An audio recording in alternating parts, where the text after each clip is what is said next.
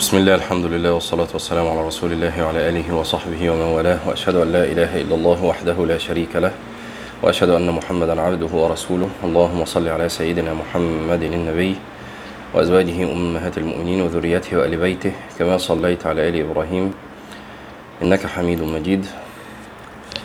يقول هل مجتمعنا خير من مجتمع رسول الله صلى الله عليه وسلم؟ أعرف أحد المقتحمين للكتابة الصحفية إذا طرح أي فكرة في مقالاته فلا بد أن يذيلها بمقولة مع الالتزام طبعا بضوابط الشريعة. ولا يمل من تكرار هذه الجملة بشكل يطمئن القارئ لكنه في المجالس الفكرية المحدودة يعلن صراحة بأنه كما يقول يا رجل لا حل لنا إلا بالعلمانية. وتحويل الدين إلى خيار شخصي محترم فقط. كل المجتمع كل المجتمعات المعاصرة لم تتقدم إلا بالعلمانية. الدين شيء رائع ونبيل ولكنه يجب أن يبقى ممارسة ذاتية. تأملت في هذا التناقض الجذري بين الأسلمة في المقالات العامة والعلمنة في المجالس الخاصة. فقلت لأحدهم أنا لا أشك أن هذه حالة أن هذه حالة نفاق كبرى نفاق أن هذه حالة نفاق فكري. فقال لي معترضا كيف تدمغه بوصف النفاق؟ وهو يقول لا إله إلا الله ويصلي ويصوم ويتصدق. لا أنكر أنني تهيبت وسكت. مضى زمن على هذه الواقعة وصرت بعدها أهتم كثيرا بمراقبة طريقة استعراض القرآن للشخصية المنافقة. وما هي مشاعرها الداخلية؟ وكيف تتحرك داخل المجتمع المسلم؟ كم كنت مندهشا حين رأيت القرآن يتحدث عن المنافقين بأنهم يصلون ويتصدقون ويذكرون الله. فأشار القرآن إلى كون المنافقين يصلون بل إلى أنهم يذكرون الله. كما في قول الله تعالى إن المنافقين يخادعون الله وهو خادعهم وإذا قاموا إلى الصلاة قاموا كسالى يراءون الناس ولا يذكرون الله إلا قليلا. يا الله المنافق يصلي بل ويذكر الله قليلا. ومع ذلك لم يمنع ذلك من وصفه بالنفاق. وأشارت الآية الأخرى إلى صلاة المنافق في قول الله تعالى ولا يأتون الصلاة إلا وهم كسالى. وأشار القرآن أيضا إلى كون المنافقين يتصدقون كما قال تعالى قل أنفقوا طوعا أو كرها لن يتقبل منكم إنكم كنتم قوما فاسقين. بل إن النبي صلى الله عليه وسلم شرح كيف أن من ابتلاه الله بنفاق في قلبه يجد مشقة كبيرة في الصلاة ولذلك يجعلها في أواخر الوقت دوما. كما سبق أن استعرضنا في فصل سابق الحديث الذي في صحيح مسلم عن أنس بن مالك أن النبي صلى الله عليه وسلم قال تلك صلاة المنافق. يجلس يرقب الشمس حتى إذا كانت بين قرني, شي... قرني الشيطان قام فنقرها أربعا لا يذكر الله فيها إلا قليلا. بالله عليك ألم يرعبك هذا الحديث؟ والله إنه نص مخيف بكل ما في الكلمة من معنى. تأخير الصلاة لآخر وقتها جعلها النبي صلى الله عليه وسلم صلاة منافق. برغم أنه أخر العصر لوقت الضرورة وهو وقت تضيف الشمس للغروب. فكيف بمن يطبق على إخراج الصلوات عن أوقاتها؟ أليس ذلك أمارة قوية على أن ثمة نفاقا خفيا في القلب؟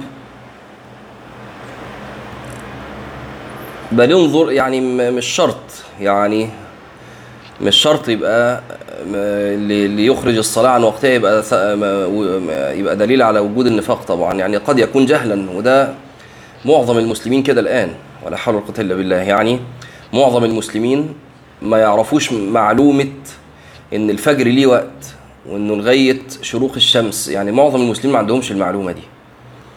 فده جهل ما هوش نفاق ولا حاجة يعني. ولذلك تجد إن ممكن اللي, متعود يصلي الفجر 7 الصبح و8 الصبح تجد من من خيرة الناس في غير ذلك. يعني يمكن يكون حريص على على بقية الصلوات و تجد بقى يعني إيه منفقا في, سبيل الله حاجا معتمرا كذا وكذا. يعني يعني مش شرط مش شرط. عشان بس إيه برضه الكلام يبقى طبعا هو هو هو على خطر. يعني وأنا مش بقول إن هو جاهل ده حاجة كويسة يعني. لكن فكرة إن هو يبقى أمارة قوية على وجود النفاق في القلب يعني الظاهر إن برضه فيها إيه يعني بل انظر في في أمر أوكد دلالة مما سبق وهو أن الطائفة التي تهكمت بأصحاب النبي صلى الله عليه وسلم وكفرها الله من فوق سبع سماوات كانوا يقولون كما, كما قال الله عنهم ولئن سألتهم ليقولون إنما كنا نخوض ونلعب. قل أبي الله وآياته ورسوله كنتم تستهزئون لا تعتذروا قد كفرتم بعد إيمانكم. هؤلاء أصل هو يا جماعة عشان بس برضو الكلام يبقى يعني لما يكون المنافق لا يأتي الصلاة إلا هو كسلان مش معناها إن كل من أتى الصلاة كسلانا يبقى منافق. يعني يعني يعني ما دي غير دي. واضح؟ يعني نقول كل منافق يأتي الصلاة كسلان وليس كل كسلان في إتيان الصلاة منافق وليس كل كسلان في إتيان الصلاة منافقا. خلاص؟ وبرضه أنا بقى يعني بأكد إن ده مش معناه إن إحنا نستهون بإتيان الصلاة بكسل لأ الإنسان لن يستقيم له دين إلا على التهمة. يعني تتهم نفسك دوما إن أنا خايف أكون كذا إن خايف أكون كذا وخير الناس كانوا يتهمون أنفسهم كعمر مثلا. هؤلاء لم يخطر في بالهم أن الموضوع قد يصل إلى الكفر لأن القضية عندهم كانت مزاحا وطرافه ولكن مقاييس القرآن تختلف كثيرا عن أوهامنا. كنت أتصور سابقا أن المنافق لا بد أن يعلم من نفسه أنه منافق. ويا ويا لسذاجة تصوري السابق. اكتشفت أن المنافق قد لا يعلم بذلك بل قد يظن نفسه حين أطلق بعض العبارات إنما أطلقها مزاحا. وكنت سابقا أتوهم أن النفاق هو قرار يتخذه المرء. فيقرر بأنه سيكون منافقا يظهر الإسلام ويبطن الكيد له. كنت أظن النفاق مؤامرة كبرى تتخذ أو تتخذ بتخطيط شامل. ولم أتوقع بتاتا أن النفاق قد يقع في القلب بتصرفات نعدها في موازيننا من هوامش الأمور. بالله عليك هل تتوقع أن قوما عاهدوا أنفسهم بأنه إن رزقهم الله مالا فسيتصدقون به؟ فلما رزقهم الله شحت نفوسهم فسبب لهم ذلك قيام النفاق في قلوبهم. هل تتصور ذلك؟ قال تعالى ومنهم من عاهد الله لئن آتانا من فضله لنصدقن ولنكونن من الصالحين. فلما آتاهم من فضله بخلوا به وتولوا وهم معرضون فأعقبهم نفاقا في قلوبهم إلى يوم يلقونه بما أخلفوا الله ما وعدوه وبما كانوا يكذبون. تأمل إنهم قوم يؤمنون بالله لدرجة أنهم عاهدوا ربهم ولم يفعلوا أكثر من البخل بالمال بعد المعاهدة. ومع ذلك هجم النفاق على قلوبهم بسبب ذلك. ولم يتأخر الأمر كثيرا بل كما عبر القرآن فأعقبهم نفاقا في قلوبهم. وما الذي يؤمننا نحن حين نقصر في أمر علمنا تعظيم الله له ألا يعاقبنا ذلك نفاق ألا يعقبنا ذلك نفاقا في قلوبنا.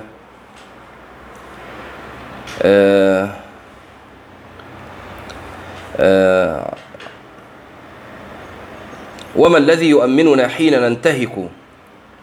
امرا علمنا حرمته عند الله الا يعقبنا ذلك نفاقا في قلوبنا. بل وكيف يأمن أقوام تتلى عليهم آيات الله في انحطاط الكافر؟ ومع ذلك يتفننون في إظهار عبارات احترام ملل الكفر ومساواتها لغيرها. كيف يأمنون ألا يعقبهم ألا يعقبهم ذلك نفاقا في قلوبهم؟ وأقوام يرون آيات الله تتلى كلها في التحفظ والاحتياط والتصون في العلاقة بين الجنسين ومع ذلك يتهورون في إطلاق الانفتاح بين الجنسين. كيف يأمنون ألا يعقبهم ذلك نفاقا في قلوبهم؟ وأقوام يرون آيات الله تتلى كلها في تعظيم كمال اهتداء السابقين الأولين. ومع ذلك يطلقون عبارات لا يلقون لها بالا في أن تجربة السلف لا تلزمنا. كيف يأمنون ألا يعقبهم ذلك نفاقا في قلوبهم؟ وأقوام يرون الله في القرآن يأمر صراحة برد الخلاف والنزاع إلى النص. وهؤلاء يتذرعون بالخلاف في تعطيل النصوص. فكلما قيل لهم قال الله وقال رسول الله صلى الله عليه وسلم قالوا فيه خلاف. كيف يأمنون الا يعقبهم ذلك نفاقا في قلوبهم؟ الحقيقة في مسائل كتير هنا فيها إشكالات يعني في هذا الفصل الحقيقة. و يعني خلينا أخذ المعنى العام من الفصل لأن ما ما- يعني إيه الدرس ده ما هوش درس إحنا نقف ونفصص الكلام ونرد على الإشكالات. لكن المعنى العام اللي يعني يصلح به ديننا إن إحنا دايما خلينا في نفسنا إحنا مالناش دعوة بغيرنا يعني. خلينا دايما في نفسنا إن إحنا آه، آه، نخاف على نفسنا. ودايما وإحنا بنقرأ القرآن نسقط القرآن على أنفسنا. ما نقعدش نسقط القرآن على غيرنا. آه شفت بقى ده فلان يبقى منافق وفلان يبقى. لا يا أخي خاف على نفسك أنت. قول أنا إيه اللي يأمني إن أنا ما أكونش في دول؟ واضح يا جماعة؟ يعني ده المعنى العام اللي ممكن نخرج به من هذا الايه ال- الباب أو هذا الفصل يعني. آه، دون بقى دخول في تفصيلات لأن في يعني كذا حاجة صراحة عدت ومحتاجة إيه وقفة كبيرة. لكن على كل حال ما, ما هوش موضوع الدرس إن إحنا بنضبط مسائل اعتقاد ولا ولا حتى مسائل فقه يعني يعني حتى هنا في مشاكل شوية. في قال وأقوام يرون الله في القرآن يأمر صراحة بموالاة المصلحين ومنافاة المضلين. أنا طبعا ما بقولش إن الكاتب يقصد لكن كلام مجمل قد يوهم يعني. فبيحتاج بقى تفاصيل وكده.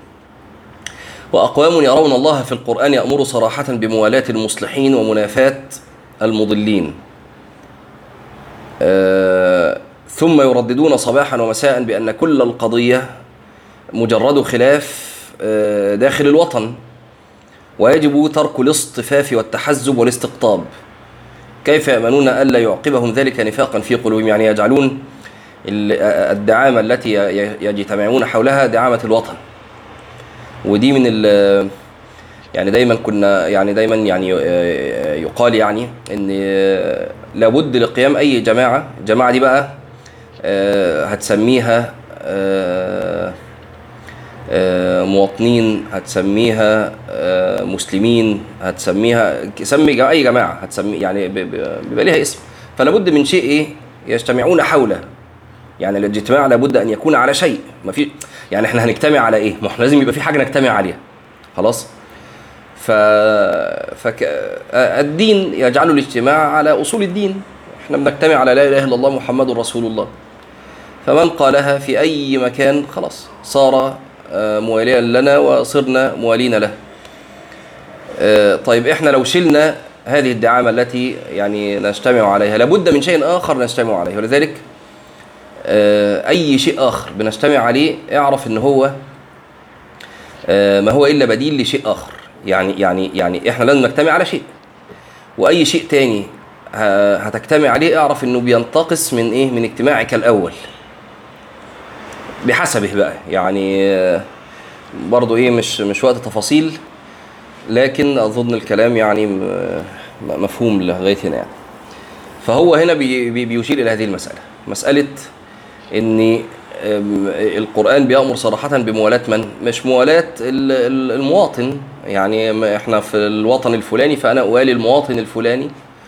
و- وماليش دعوة بالمواطن العلاني اللي هو بره الوطن اللي أنا فيه. مفيش ده في القرآن مش هتلاقيه في القرآن ولا في السنة ولا في الدين خالص. واضح؟ آه قال حين رأيت الله تعالى يقول عن رجل بخل بعد أن عاهد على الإنفاق وهذا كل ما صنع شح بماله بعد أن عاهد ربه على الصدقة ومع ذلك يقول الله عنه فأعقبهم نفاقا في قلوبهم إلى يوم يلقونه. استطعت أن أفهم قلق أصحاب رسول الله صلى الله عليه وسلم من النفاق بل ومن الكفر. ال- الصراح يعني مش بقى النفاق كمان. كانوا بيخافوا من النفاق وكانوا بيخافوا من الكفر الصراح. وحديث مرعب. يعني يعني هذه الآيات طبعا مرعبة. إن النفاق آه، قد آه، يأتي ب- بايه ب- ب- ع- على يعني ظاهر النص بعمل واحد. عاهد فخلف.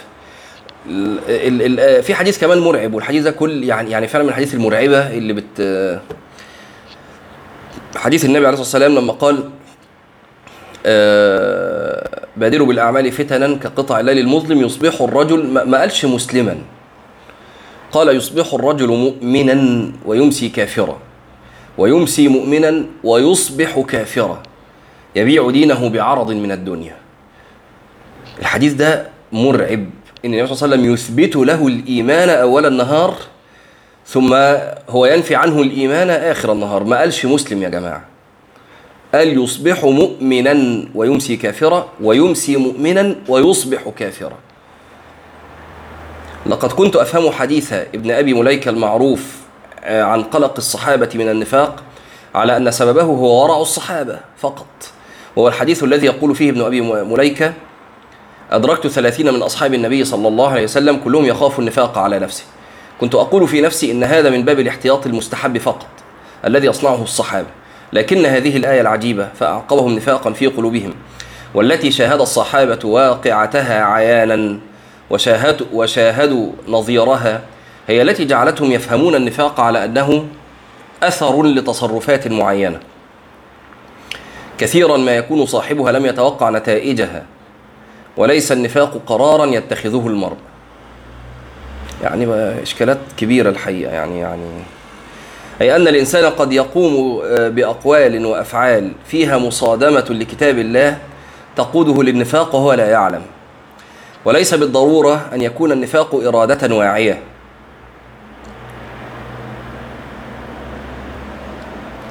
المهم الآن أن القرآن صور المنافقين أنهم قد يصلون وقد يتصدقون وقد يذكرون الله ومع ذلك لم يستنقذهم ذلك من ورطة النفاق بسبب تصرفات لم يتوقعوا نتائجها ولكن هل يمكن لنا أن نعرف المنافق؟ أليس المنافق شخصا مستترا؟ أليس النفاق حالة قلبية لا يمكن الاطلاع عليها؟ لنحاول أن نحلل هذا التصور على ضوء القرآن الله تعالى بيان صراحة أن المنافقين ألوان فبعض المنافقين مستترين لا يعرفون وبعضهم يصرح لبعض الناس لكن لا يعلن ذلك على الملأ وبعضهم يظهر النفاق فقط من ملامح أفكاره وخطابه. وتأمل هذه الآية التي تكشف ملامح خطاب المنافق. أه ولو نشاء لأريناكهم فلعرفتهم بسيماهم ولتعرفنهم في لحن القول. يعني يعني مثلا يا جماعة زي اللي لسه ميت ده سيد القمني.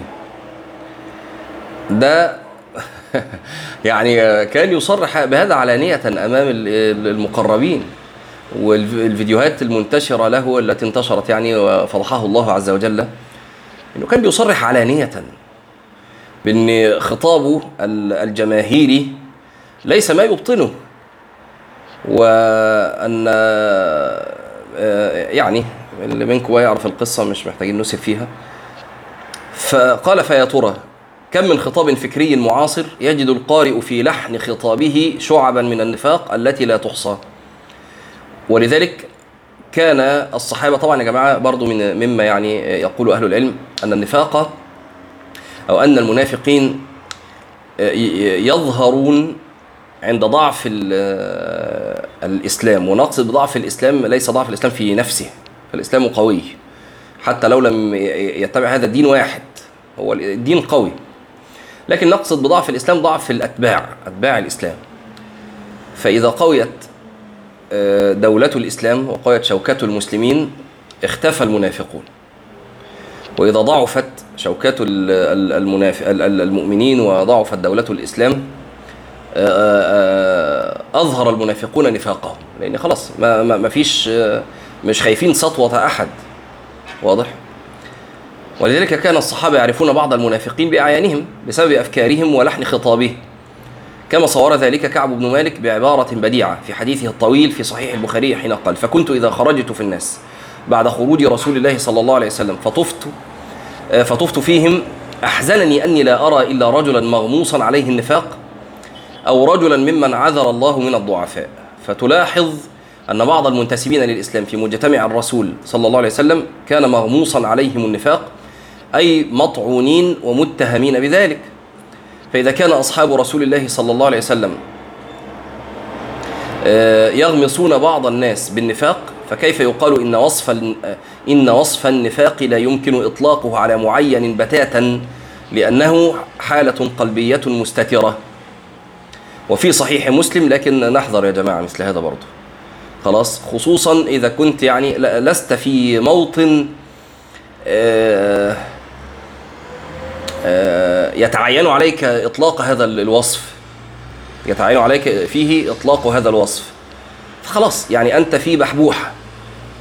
فأنت ليه بتحط نفسك في هذه المضائق؟ فتلقي فلانا بالكفر وفلانا بالنفاق. انت لا انت عالم كبير حد مستني قولك. ولا انت داعية مشهور متبع والآلاف مستنيين هتقول إيه. فخلاص. يعني و وال- وال- والخمول الذكر ده نعمة من ربنا سبحانه وتعالى. خمول الذكر نعمة من ربنا سبحانه وتعالى.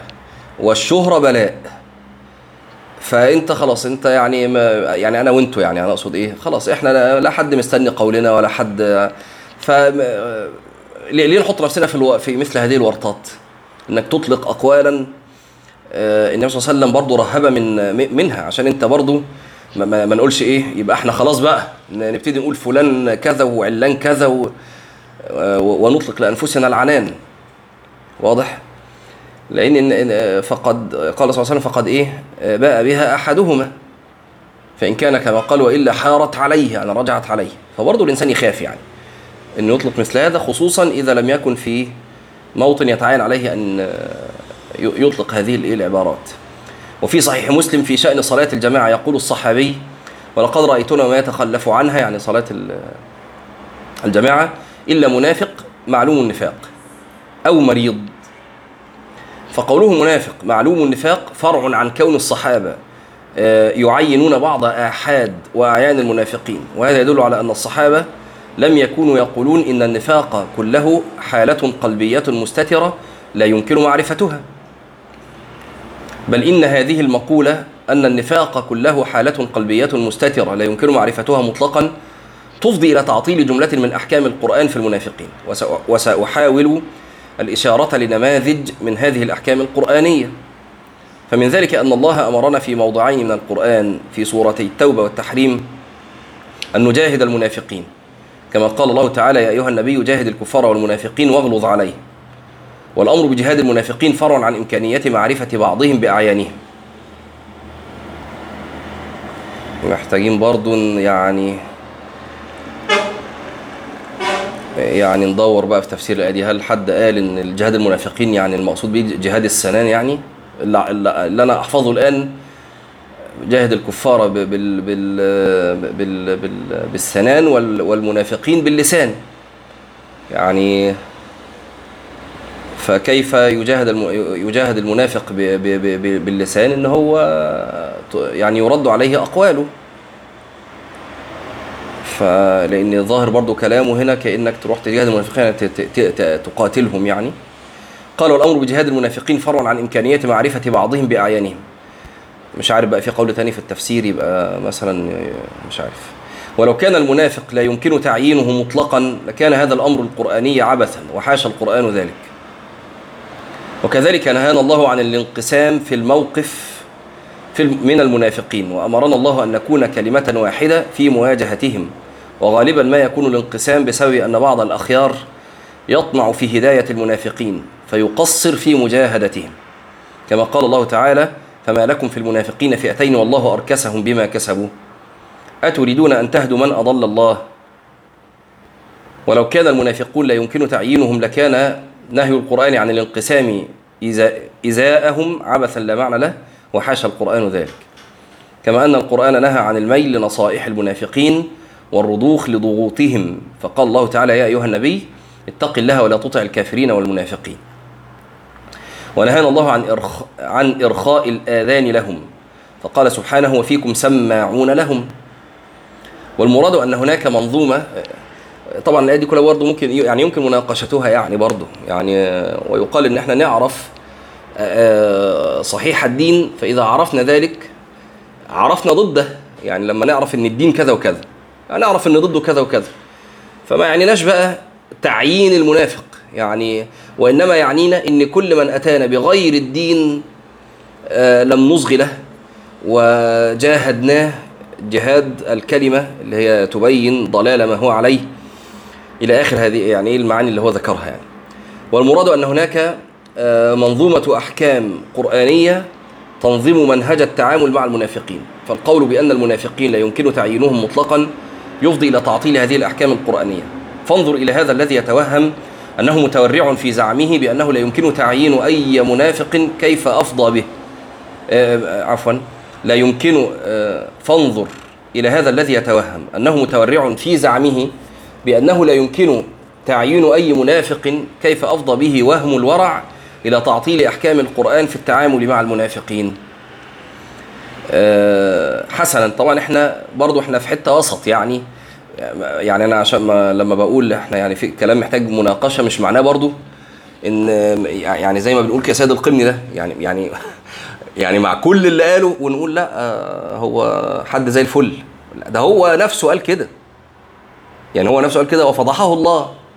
وفيديوهات انتشرت اللي بيقول فيها كلامه ده.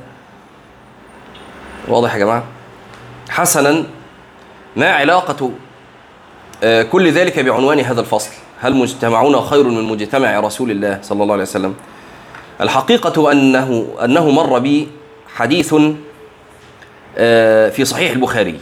فيها أن حذيفة جاء إلى حلقة في المسجد فيها مجموعة من التابعين فقال لهم كما في البخاري عن الأسود قال كنا في حلقة آه، في حلقة عبد الله فجاء حذيفة حتى قام علينا فسلم ثم قال لقد آه، لقد أنزل النفاق على قوم خير منكم.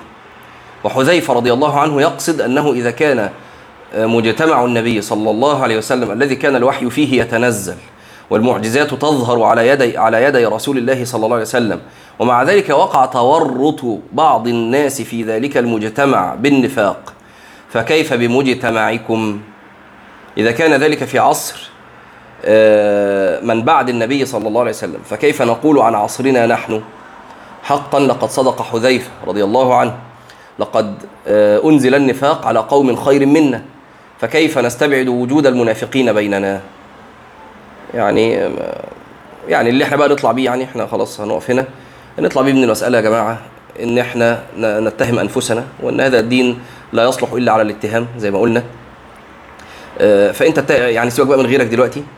اتهم نفسك دايما و آه، خاف على نفسك وخاف على دينك إنك تتورط في صفة من صفات المنافقين. دي حاجة.